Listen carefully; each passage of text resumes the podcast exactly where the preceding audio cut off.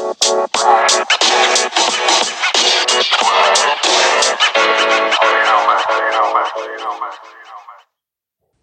хугацаагаар аялдаг гэдэгт итгэдэг хүн хэрэг байна. Би бол итгэдэг хүмүүсийн нэг. Учир нь би өөрийгөө өнгөрснөөр бас ирээдүгээр аялж исэн гэж боддог. Би хамгийн анхныхаа дугаараар өнгөрсөн дугаар дээрээ өнгөрснөөр аялсан аяллахаа талаар та бүхэнд ярьж өгсөн. Хамгийн гоё нь маш олон хүнд таалагдсан байлээ. Тийм болохоор би маш их баярсгалантайгаар одоо ингээд дараагийнхаа дугаарыг хийж байна. За энэ дугаар маань бол миний ирээдүгээр аялсан аяллаа талаар байгаа. Дубай хотоор аялсан аялал юм аа. Дубай руу би 2 удаа явжсэн. 2019 оны 1 сар. Тэгээд сая 2020 оны 1 сар ковид-19 гарахаас өмнө амжилтад нэг явсан. 19 онд явахдаа болохоор шууд нислэгээр явсан. Одоо Монголын том аялын компаниуд нэг 4 5 компани нийлээд Мятын онгоцыг түрээслээд тэгээд аялагчтай аваад жилд нэг удаа явдаг. Ерөнхийдөө нэг сард явдаг. Цаг агаарын хувьд хамгийн тохиромжтой байдаг учраас а 20 онд болохоор шууд нислэг гараагүй учраас Туркээр дамжиж явсан. Гэхдээ дамжиж явах үнэхээр хэцүү юм билээ. Амар олон цаг явдаг, амар хятардаг. Бараг тийшээ Турк руу ч бараг 9 цаг явж байгаа. Тэгээд тэндээ онгоцоо сольж байгаа учраас бас 3 4 цаг байж байгаа. Тэгээд дахиад 5 цаг Дубайланс нь ерөнхийдөө тийм баг 24 цаг ингээд ядарч очино.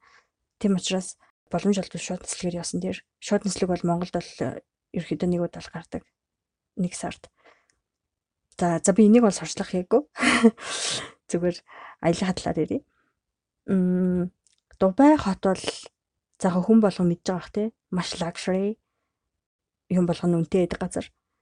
Гэхдээ тэр хэмжээгээрээ сэтгэл ханамжийг авч чаддаг. Одоо Дубайд чинь дэлхийн бас хамгийн хамгийн нод байрладаг газар.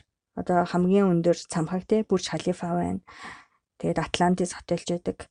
Бас хамгийн дэлхийн хамгийн том моол Дубай моол байгаа гэх мэтчлэн. Тэгээд нөгөө хиймэл арал одоо хоёр ч юм гурав одоо гурав дахь нь бас баригдаж байгаа тий. Наргил модны дээрс нь хахад наргил модны зурагтай.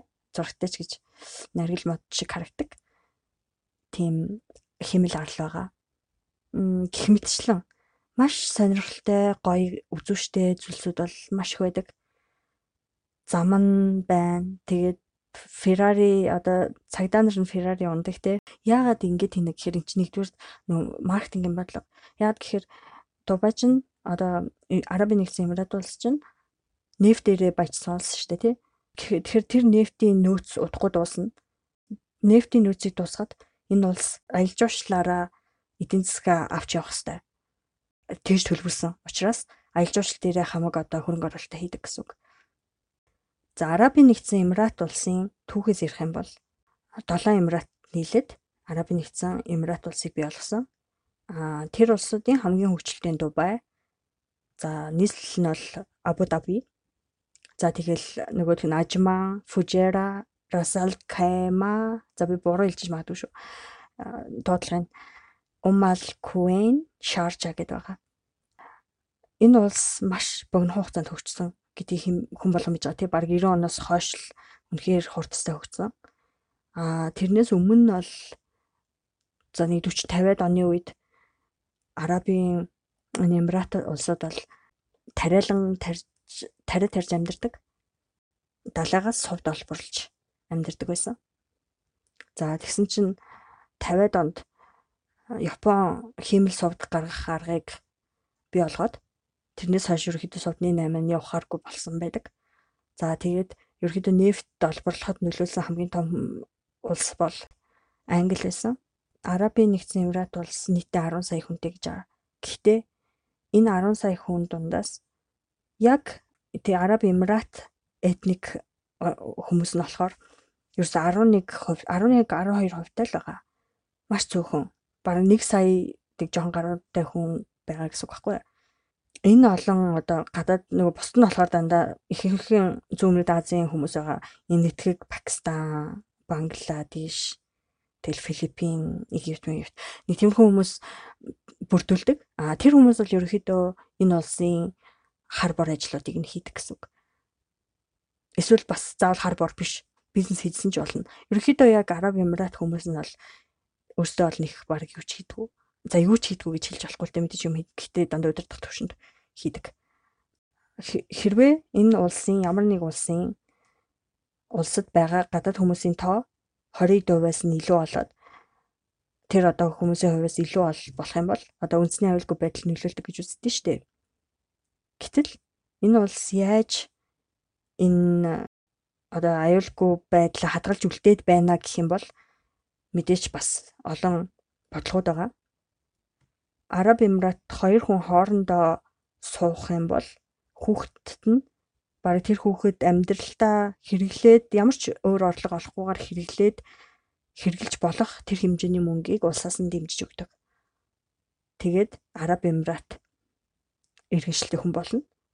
Араб Эмират хүн өөр улсын ямар нэгэн хүнтэй суух юм бол эрэгтэй эмэгтэй хамаагүй суух юм бол хүүхэд нь Араб Эмират болохгүй. Тэр хүүхдэд иргэншлийг өрсөө өгдөг гэсэн. Тэр нөгөө нэг ээжийнхээ аавынхаа талыг гадаад хүнийхээ талын иргэншлийг авна гэсэн үг.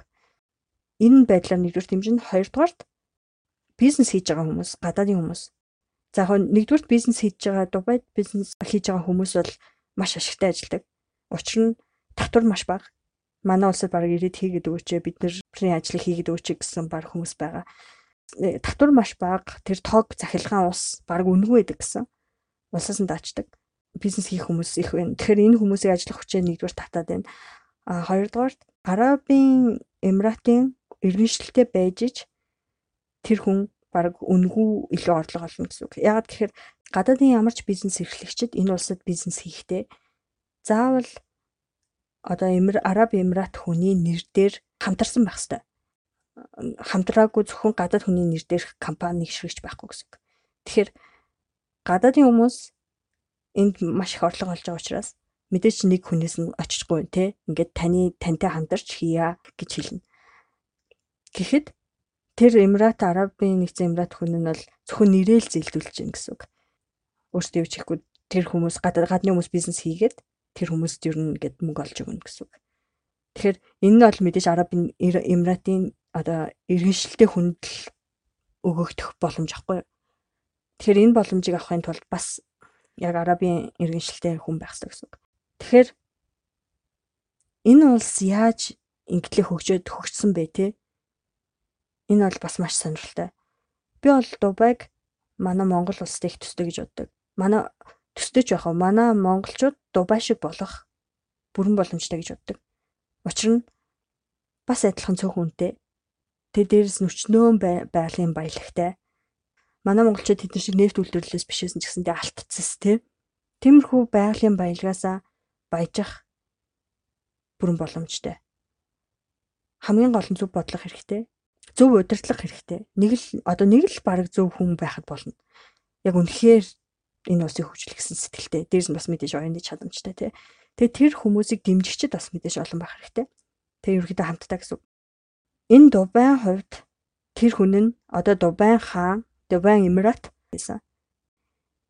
Энэ хүн ямар зөв бодлогоор энэ улсыг хөгжүүлсэн бэ гэхээр одоо Дубайг хамгийн одоо энэ долоон Эмиратаас ч хамгийн хөгжилтэй Дубай тий. Тэгэхээр яаж энэ хөгжлийн төвшөнд авчирсан бэ гэхээр маш зөв бодлого явуулсан. Тэр нь нийгмийн дундаж давхаргыг алга болгох. За энэний нэг үсэн үг вэ гэхээр нийгмийн дундаж давхарга улс орны хөгжилд хамгийн их саад болдог давхарга гинэ. Яагаад гэхээр одоо нийгмийн баян давхарга, дундаж давхарга, ядуу давхарга байгаа. Баян хэсэг, ядуу хэсэг хоёр улсын хөгжилд маш хувир нэмэр оролдог. За баян давхарга бол ойлгомжтой. Бизнес хийгээд маш их татвар төлнө. А олон хүнийг одоо ажлын байртай болгоно. А ядуу давхарга бол ядуу давхаргын харьцааг багасгахын тулд хүмүүс хөдөлмөрлөнө. Дээрс нь одоо нийгмийн хэрэгцээг их ойлгуулж өгдөг. Юу ямар хэс дээр анхаарах хэрэгтэй вэ? Тэ тэр хүмүүс их гомдлон ч гэдэм үү те. Тим байдлаар бас улс орныг ингээ хөгжил рүү хөтлж идэг давхарга юм байна. А дундаж төвшин болохоор яадаг вэ гэхээр хүн болгонд ор бүрнээ өөрсдийнхөө ажлыг хийгээ явждаг. Дундаж төвшлөний хүмүүс бол ер нь хвчлэн мэрэгчлээ хүмүүс байдаг. Тэгээ ажиллаа хийж идэг. Тэгэл цалингаа аваад цалингаараа өгсөн татвар нь өөрсдөд нь ирээдүйд хэрэгтэй ч юм уу те. Нэг тийм амар улс оронд одоо бүр илүү мөнгө одоо орлого их оруулаад байхгүй зүгээр өөрийнхөө ирээдүйд ингээд хоримтлуулж идэг тэр татваруудыг төлдөг. Тэгсэр нэ бас ерөөсөө биш гомдлохгүй яг гэвэл амьдрал нь болоод байгаа учраас. Тэгэл тэрүүн энд өөрсдөө ингээл болгоол амьдарч идэг хэсэг бүлэг байдаг. Тэгэхээр улс орны дундаж давхраг том байх тусмаа тэр улс орон яг одоо байгаа тэр хөгжил нь удаашрах магадaltaй байд юм байна л да. Энийг олж хараад дундаж давхрахыг алга болгоё гэсэн баримт одоо зарчмыг баримталсан. Ихэнх улс орнууд бол ядуу давхрахтай илүү анхаарал хандуулдаг. А энэ улс бол дундаж давхрахтайгаа илүү анхаарал хандуулсан гэсэн үг. Дундаж давхрагыгаа илүү дэмжиж тэгээд тэр чадвартай бол чадвартай, мэрэгжилтэй бол мэрэгжилтэй тэр хүмүүсийг ингээд хөрөнгө мөнгөөр дэмжиж эхлэхээр тэр хүмүүсийн одоо шунлыг өдөөдөг гэсэн үг. Илүү баяжих. Тэр шунлыг өдөөгöd тэр хүмүүсийг хүмүүст илүү их хөрөнгө оруулалт оруулаад эхлэхээр тэр хүмүүс ингээд баяжиж эхэлнэ. Тэгээд дундаж давхрахын баян давхар руу шилжин гэсэн үг. Тэгэхээр одоо ингээ харьцаараа харахаар баян давхарга нь ядуу давхаргаасаа илүү болно гэсэн үг. Үүнээс хойш ядуу давхаргыг хөгжүүлэх илүү амархан болж байгаа. Хөрөнгө мөнгөний хувьд ч гэсэндээ цаг хугацааны хувьд ч гэсэндээ яагаад гэхээр өмнө нөгөө дундаж давхаргынхны хийдэг байсан ажлыг яа харахгүй ядуу давхаргын хийхсээр аргагүй болно гэсэн. Тэгэхээр тэр ядуу давхаргын мэрэгжил эзэмшин эсвэл ингээд одоо ажлын байр дээр гараад дадлага чинь Тэгэхээр тэр ядуу давхаргынхан дундаж давхаргынхан болж эхэлнэ. Дундаж давхаргаар орж эхэлнэ. Тэгэхээр тэр үед нь дахиад нөгөө дундаж давхар дундаж давхаргынхныг дэмжсэн шиг дахиад ингээд дэмжиж эхэлнэ. Тэгэхээр нөгөө энэ ядуу хэсэг маань дундаж давхар руу ороод дараа нь баян давхар руу орно гэсэн. Тэгээд нийгэмд ядуу хүмүүний ширхэж байхгүй болно. Яг энэ зарчмаар Дубайг хөгжилд хүргэсэн. Одоо Дубайд амьдардаг хүн ер нь ганц ширхэгч Араб Эмират иргэншилтэй хүн ядуу хүн байхгүй. Дундаж давхрын хүнж байхгүй. Дандаа баян. Дээр үед эднэр одоо хөгжөөгүй байхдаа хөгжөөгүй байгаа гэсэн ингээл мэдээж гадны хөрөнгө оруулагчид орж ирэн штэ тэр улсад. Тэгээд ингээд тэнд амьдардаг тийм хүмүүс дээр нь хаалга хаалгын тогшоод манай иргэншлийг аваач гэж гуйж байдаг байсан тэр хүмүүс одоо гуйгаад ч энэ иргэншлийг өгөхгүй. Бүр тэр араб хүнтэй суугаад ч хүүхдэд нь энэ иргэншил олдох олдохгүй тийм үнцэнтэй этник групп болж чадсан. Эднэр бол үнэхээр хөгжих боломжгүй юм шиг харагддаг байсан улс. Гэтэл тэрэн дээр илсэн дээр ямар гоё бүтээн байгуулалт одоо байгуулсан байгаа вүлээ. Тэгээ энэ ямар богинохон хугацаанд болсон зүйл вүлээ тий. Тэгэхээр нэг л зүг бодлого энэ улсын ирээдүг ингэж өөрчилсөн байна. Тэгэхээр манай Монголын хамгийн үлгэр дуурайл авах хэрэгтэй манай Монголын ирээдүй бол Дубай гэж хэлнэ. Арабын нэгдсэн Эмират улс. Тэр хүн болгон Монгол хүн болгон Дубайг Дубайн хөгжлийг судлах хэрэгтэй. Тэгээд энэ зарчмаар явах хэрэгтэй. Бүгдээр хичээх юм бол болно. Ийм үнцэнтэй үндэстэн болох хэрэгтэй монголчууд. Би бол тэгж хардаг. За Дубайгаас гадна Абу Даби бас их гоё газар. Улсынх нь нийслэл ерөөхдөө хамаг одоо бизнесийн байгууллагууд нь тэндээ байдаг. Тэгээд Абу Даби ч нөгөө Ferrari World Park байдаг. Тэгээд нөгөө усан парк бас байгаа. Яс гэд нөгөө химэл арал дээр нь байдаг. Химэл биш ээ. Яс арал дээр байдаг. Яс Water World гэдэг баха. А усан паркнаас гоё. Яг хоо энгийн. Тэгтээ гоё. Дотор нь бас 5D усан кинотеатр байдаг. Тэр кинотеатрт нь оронгууд одоо ингээд угаасаа усан парктай байгаа юм чи хүн болгон бикинитэй ч юм усны хувцастай байгаа штэ. Тэгэхээр тэр хувцастайгаа ороод тэгээ яг кинотеатр шиг ингээд 3D шилээ зүгээд тэгээ үзнэ. Тэнгүүд ингээд түүх нэвчлэн устай ингээд тэр урд нь тэр сувдыг яаж олсон ч гэдэм үү те нэг тиймэрхүү түүхэн маягийн юм гардаг байхгүй. Гэхдээ тэр кино солигддог гэж магадгүй. Миний үзсэн лав тийм байсан. Тэгээд тэрийг үзээд яхаар ингээл одоо далай дотор явж байгаа л шумбаал ирэнгүүт усан дүүрээл флүүс хүртэл дүүрээд ч юм уу те живэд эхлэнгүүт нь нэг тиймэрхүү сонирхолтой усан парк байт юм лээ очих юм бол бас үзээрэй. За тэгээд энэ тэнд годомжинд явж байгаа ихэнх хүмүүс нь бол яг энэ гаралтай хүмүүс биш араб эмират хүмүүс биш ихэвчлэн бүр 90% нь гадны хүмүүс байдаг байхаа. Тэгэхээр тэрийг бол ялгаж харах хэрэгтэй. Араб Эмират хүмүүс бол ихчлэн нөгөө хувцас өмснө. Эрэгтэйчүүд нь цав цагаан, эмэгтэйчүүд нь хаваар хувцас өмсдөг. Уусаа исламын шашинтай улс. Эмэгтэйчүүд бол ариун гэж үздэг учраас би халаалах хэвээр хүмүүс харуулахгүй нөхөртөө л ганцхан харуулна. Яаж хоорондоо олж суудгийг мэдэхгүй. Гэхдээ мэдгүй би бол бүхнийг ойлговол бүхнийг уучлна гэж боддог байхгүй юу? Тийм үгээд юмыг ойлгох юм бол аа нэр чи юм байж болох юм байна гэж боддсон байлээ. Би болохоор энэ исламын шашин за лал гэж ярьдаг те. Гэтэ лал гэдэг нь болохоор жоохон доромж үг юм байлээ. Тэгэхээр аль болох бас хэрэглэхгүй байх хэрэгтэй. Исламын шашин а исламын шашинд итгэдэг хүмүүсийг муслимчууд гэж хэлнэ. За тэгэхээр тэр муслимчууд дээдлэн доод дээдлэн дөрөв их нэртэй байж болно. Тэр ихнэр одоо ихнэрээ авахтаа болохоор одоо ингээл нэг хүн таалагдаа суучлаа дараагийн хүнийг бас таалагдал суух ч юм уу тиймэрхүү маягаар байдаг уу гэсэн. Тэгэхээр эхний их нэрийг бол ингээд хайрт өнт асууна. А хоёр дахь, гурав дахь, дөрөв дэх их нэрүүд бол заавал ямар нэгэн шалтгаантай хүнтэй суудаг. Жишээлх юм бол исламын шинд нөхөртөө хүнтэй одоо эхнэр нь хүнтэй суух юм бол өвчлэн эхнэрүүд нь гэртээ байж хүүхдүүдэд харддаг ч юм уу те гэр ажил хийдэг. Санхугаа бүрдүүлэх боломж нь эрэгтэй хүн дээр байдаг гэсэн үг.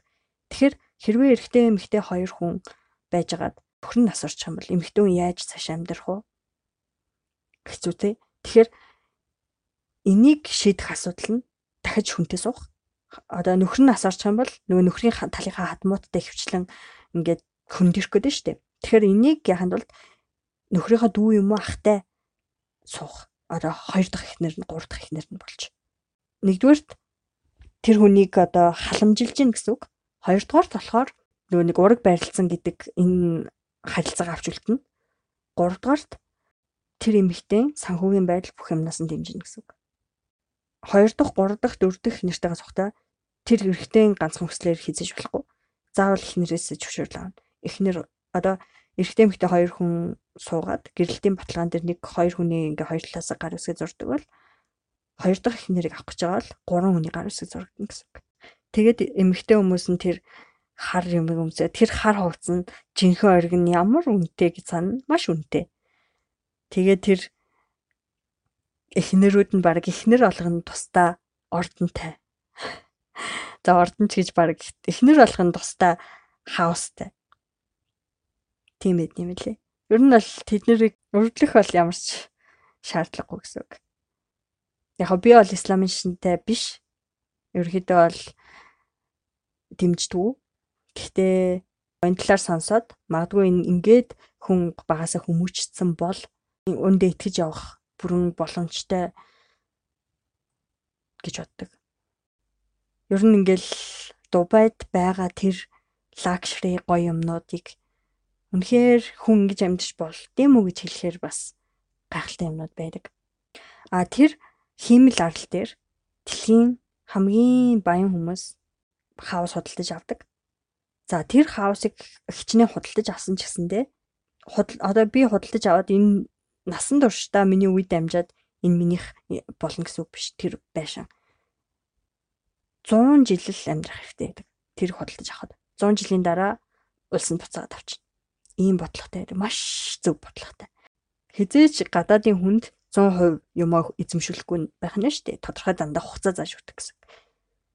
Тэр баян а бас нэг хэцүү юм нь Дубай хүмүүс заавал нүүдэлж амьдрахаас ургарагүй. Ерөнхийдөө зун нь өөр улс руу амьдардаг. Хөвчлэн Англи, Америк ч юм уу. Тиймэрхүү улсууд руу явд юм бэлээ. Ягаад гэхээр маш халуун.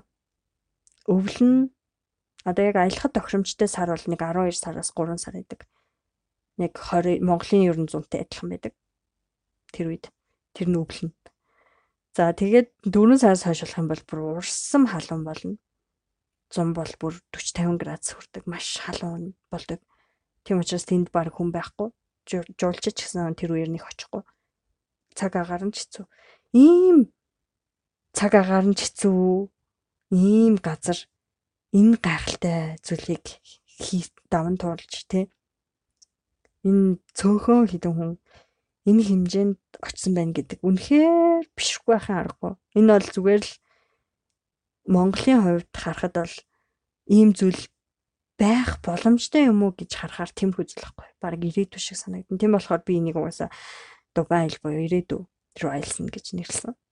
За тэгээ нэг сард аялахад хамгийн тохиромжтой нэг шалтгаан нь нэг сард Дубай Мол хамгийн хямдхан болдог. Маш их сейл зарлан 60 70% сизон солигдоод ирэхээр ер нь сейлүүд зарладаг. Тэр үед баг Монголд зүгээр ямарч брэнд биш нэг хувцас авах мөнгөөрөө тэнд үнэхээр брендийн хувцас хямдралтай үед нь авах боломжтой. Хямдхан. Дубайгаас бол тийм хямдхан юмнууд авна гэж бол төсөөлөхгүй. Яг нэг дундаж брендийн хувцснуудыг яриад байна л да Zara, H&M ч юм уу тийм. Тиймэрхүү зүйлүүдийг бол дубайгаас хямдхан авах боломжтой. Угаасаа ямар ч устай адилхан тэр хямдралуудыг зарладаг гэсэн үг. Бас дубай алдарт алтны зах байна. Алтан эмэг бүгж одоо цаг ч юм уу тиймэрхүү зүйлсүүдийг боломжийн үнээр авах боломжтой байдаг. Гэхдээ нэг хэцүү юм нь ямар ч юмн дээр тодорхой үн гэж байхгүй. Нэг үн хэлэхээр тэрийг нь доош нь хэлж авах ёстой байдаг. Амар хэцүү. Яагаад гэхээр нөгөө яг барагцаа байхгүй болохоор бүх хүмүүс ингээд өөр өөрөөр нь хэлээдэг. Очингуудаа яг нэг хэлсүүнээр нь бол авч болохгүй. Тэнд бол дирхам гэд өөрсдийнхөө мөнгийг хэрэгэлдэг. Гэхдээ жишээлх юм бол доллараар хэлж ярьчих. Доллараар бол одоо нэг цагийн үнийг асуухад ойролцоогоор нэг 500 доллар гэж хэллээ гэж одоо. Тэгэх юм бол та нар бодож байгаад нэг 5 доллар гэж хэлэх хэрэгтэй. Тийм амар зөрүүтэй хэлж болно. Дараа нь та нар 10 гэж хэлэнгүүт нөгөөх нь 400 гэж хэлдэг юм. Ингээ хоёр талаасаа булгасаар голд нэг үн гарч ирнэ штэ. Тэрүүгээр нь ерөөхдөө авдаг. Тэгээ тийм болохоор амар холигдуулах магадлал ихтэй. Бол хоёр удаа ч үзсэн мөртлөөсөө ингээл очих холгондоо амар холигдуулдаг дандаа гэл амар үнтэй үн хэлээд идэг. Тэгэл нөгөөдгийг амар гайгүй үнээр уул нь нилэн бас буулгаал авч байгаа байхгүй. Тэгэл амар гайгүй үнээр авчлаа гэж бодоод дараа нь өөр яг адилхан юм авсан хүмүүстэй ярьж ангууд чи би бүр амар үнтэй авсан чи яаж хаад би нэг жоохон тиймэрхүү юм дээр амар мөө ингээл хүмүүсийг хүмүүсийн юмыг ингээд амар хөтөлбөрийн үнэлэхгүй юм шиг хитрхи доош нь хийгээд үнийг ингээд хитрхи доош нь оруулаад байхаар юу санагдав. Тэгээд ер нь тэгтээ жоохон буруу юм байл л тээ тийм газар гэдгийг мэдж байгаа тохиолдолд бол хангалттай буулгаж ярих хэрэгтэй гэдэм байлээ. Тэр 8 ээж байгаа хүмүүс нь бол өвчлэн энэтхэг Пакистанууд л байгаа. Тэгэл тэр зах дээр очингууд чинь эн тэндээс наашир наашир энийг үз энийг үз гэдэл тэгнэ. Тэгэхээр бас яг хэлж байгаад нь хууртаад ахгүй тэд нар бүр яан зүрийн аргаар үзнэ юм үзэж үзэж байгаа л авахгүй явах юм бол бас уурладаг ч юм уу. Тиймэрхүү юмнуудаас байдаг. Тэгэхээр тэрэнд нь хууртлахгүйгээр маш болгоомжтой юмнууд авах хэрэгтэй. Аа том том дэлгүүрүүд моолууд нь бол тийм байхгүй мэдээч яг үнээрээ зарна. Тэр нь бол миний хувьд бол амар амар байдаг. Завхал жоохон хэцүү. Зочид буудлын үйлчилгээний хувьд бол Дубай үнэхээр Азийн орнуудын үйлчилгээг бол гүцэж чадахгүй. Яг хөө тэр 7 одтой буудал ч юм уу, тэр бүр шал араб ч юм уу, тиймэрхүү хотелууд нь бол магадгүй А гэхдээ энгийн нэг дөрвөн одны зэрэгтэй буудал нь бол үнэхээр үйлчлэгээний чанарын хувьд бол маш бага санагдсан. Одоо Солонгос ч юм уу тийм орнууд үйлчлэгээний стандарт өндөртэй орнуудад бол очисон хүмүүсийн хувьд бол жоохон онцгүй санагдах магадaltaй. Жишээлх юм бол өрөөнд нь байдаг савн шампунь ч юм уу тиймэрхүү юмнуудыг байнга сольдгоо ч юм уу эсвэл оо сойзыг нь байнга тавьдаггүй өрөөнд нь одоо өдөр болгон сольж тавьдаггүй заавал доороос очиж оосоо зөгөөч гэж хэлэх юм бол өгдөг ч юм уу. Тиймэрхүү зүйлүүд бол байдаг. Гэхдээ мэдээж буудал болгон өөр. Мэдээж бас сайн үйлчлэгээтэй буудал байдаг л бах. А миний очисон буудлын хувьд бол э, жоохон тиймхэн байсан. Хоолны хувьд ерөөхдөө энэтхэг хоол э, их давмгай хэрэгэлдэг энэтхэгчүүд их байдаг учраас Гэхдээ их дажгүй санагцсан манай монголчуудад бол идэхэд тохиромжтой хоолнууд их байдаг. Ихэнх хоолнууднаас буфетээр гардаг. Мах ихтэй. За тэгээд Эмиратад очисон бол хамгийн нэг сонирхолтой аялал нь сафари аялал байгаа. Элсэн цэлийн сафари аялал. Ланд 200-тай машинаар нэг машиндаа нэг 6 хүн сууна. Яваад тэгээд элсэн цөлөөр маш хурцтай дахиад шарваад тэгж явдаг аялал байгаа. За тэгээд элсэн цөлийн аялал ерөөхдөө ийм багц аялал байдаг хвчлэн. Эхлээд тэр ланд 200-аар элсэн цөлтэйгүр тавхиад дараа нь одоо голд нэг тайз зассан. Тэгээд тойруулаад сандал эднэр тавиад нэг юм үзүрийн газар маягтай юм болгочдөг. Тэндээ одоо тэр тайзан дээр нь бүжиг бүжиглээд belly dance гэж хэлдэг те. Тэр бүжиг бүжиглээд тэгэл галын шоу ч юм уу янз бүрийн шоунууд явагдчихэдэг. За тэр хоорондоо барбекю мах шарсан махтай хоологддог. Алдарч шиша тамхи татж олно. Шиша тамхиж одоо монголоор юу гэж хэлдэг юм болоо? Усан тамхи гэж хэлдэг юм болов? Шиша бол яг тамхи шиг нөлөөтэй биш. Уус исламын шишинтэй улс тийм нөлөөтэй юмыг зөвшөөрдөггүй байхгүй юу? Аригч гэсэн хамаагүй зарахгүй, тамхич гэсэн зарахгүй. Эхэндээ надаа бол энийг одоо яах гэж татдیں۔ Ямар сони гэж бодсон. Тэгээ сүүл рүүгээ хид хид татаж үзэхээр их зүгээр гоё амттай юм шиг санагдсан. Тэгээд нэг бүхтээ тэмээ унж үзэж болно. Гэтэ мэдээж эн чинь аялал жуулчлалын зорилттой газар юм чинь бас зарим юмнуудыг анхаарах хэрэгтэй. Жишээлх юм бол тэмээн дээр зүгээр мортож үзэхэд зураг мөрөг авахлахад бол үнэгүй байдаг. Аа тэгээ тэмээг дээр мордонгууд ерөөхдөө тэр хүмүүс нь аль болох дагуулад явчих гад идэг. Аа тэгээ явчих юм бол нэг юм тойрж ирээд ирэх юм бол мод тойроод ирэх юм бол үнэтэй болчдөг. Тэгээд гар дээр зурдаг хэна зураг зурдаг нэг хүн байдаг. Тэгэл тэр хүн нь жишээлх юм бол гар дээр чигчөөрөн дээр нэг жоохон юм хүн болгон дээр үнгүү зурж өгдөг. А харин нэг гар дүүрэн юм зуруулах юм бол илүү жоохон юмнууд нэмээд гоё болгоод зурх юм бол үнэтэй болдог. За тэгээ Global Village буюу улс орнуудын ландмаркууд хамгийн гоё барилгуудыг жижигрүүлсэн хувилбараар хийсэн тийм цэцэрлэг төрөлн маягийн юм байдаг. Тэр бас Дубайд үнэхээр сонирхолтой юм лээ. Би бас өөр хит хит орны тийм газруудыг очиж үзчихсэн. Гэхдээ надад Дубайг хамгийн гоё санагдсан. Үнэхээр том. Тэн дотор ороод бараг 6 нэг бүтэн өдөр осон ч дуусахгүй. Маш том юмнууд байдаг. Тэгэл улс орон болгоных нь хэсгүүд нь яг тэр улс орных нь хүмүүс хвчлэн ажилуулдаг. Тэгэл очиод үзэхээр тэр улс орны хоолноос ихсэлэл бараа бүх юмнууд ингээл жижигрүүлсэн хувилбараар байгаа юм шиг их сонирхолтой газар байдаг. Тэгээд орох билетнийх нь үнэн ч гэсэн ерөөхдөө хямдхан. Дубай мол дотор маш том аквариум байдаг. Тэрийг бас хүүхдэд үзүүлэлт сонирхолтой байдаг. Бас э, байшингийн дотор байдаг цанын баз байдаг. Тэр бол бас маш сонирхолтой. Би бол тийшгээ өөрөө бол очиж үзээгүй. Гэхдээ зураг мөргийг нь бол харж исэн том байшин дотор одоо тэр Дубай ч дандаа халуун байдаг газар шүү дээ. Тэгсэн ирнэ хүүтэн цас мөстэй цанын базыг байгуулсан. Тийш очихдаа хүмүүс ингээд цаны хувц өмсөд тэг очдөг. Дараа очих юм бол заавал тийш очиж үзнэ гэж бодож байгаа. Араб Эмиратын онгоцон Emirates Airlines-ийн нэгдүгээр зэргийн суудлыг дэлхийн хамгийн гоё нэгдүгээр зэргийн суудал гэж хэлдэг. Тэрний бас бичлэгүүдийг та нар YouTube-ээр ороод үзээрэй. Их сонирхолтой онгоцон дотроо дүүшиж алдаг гэх мэтлэн сонь сонь үйлчлэгнүүд байт юм бэлээ. Хоёр давхар онгоц. За ингээд ирээдүр аялсан аялал маань хэр санагдж байна. Хүн нэг сүртэй юм боддог. Цаг хугацаагаар аялах. Машин зохион бүтээгээд л цаг хугацааны машин ч онгоц шүү дээ ер нь.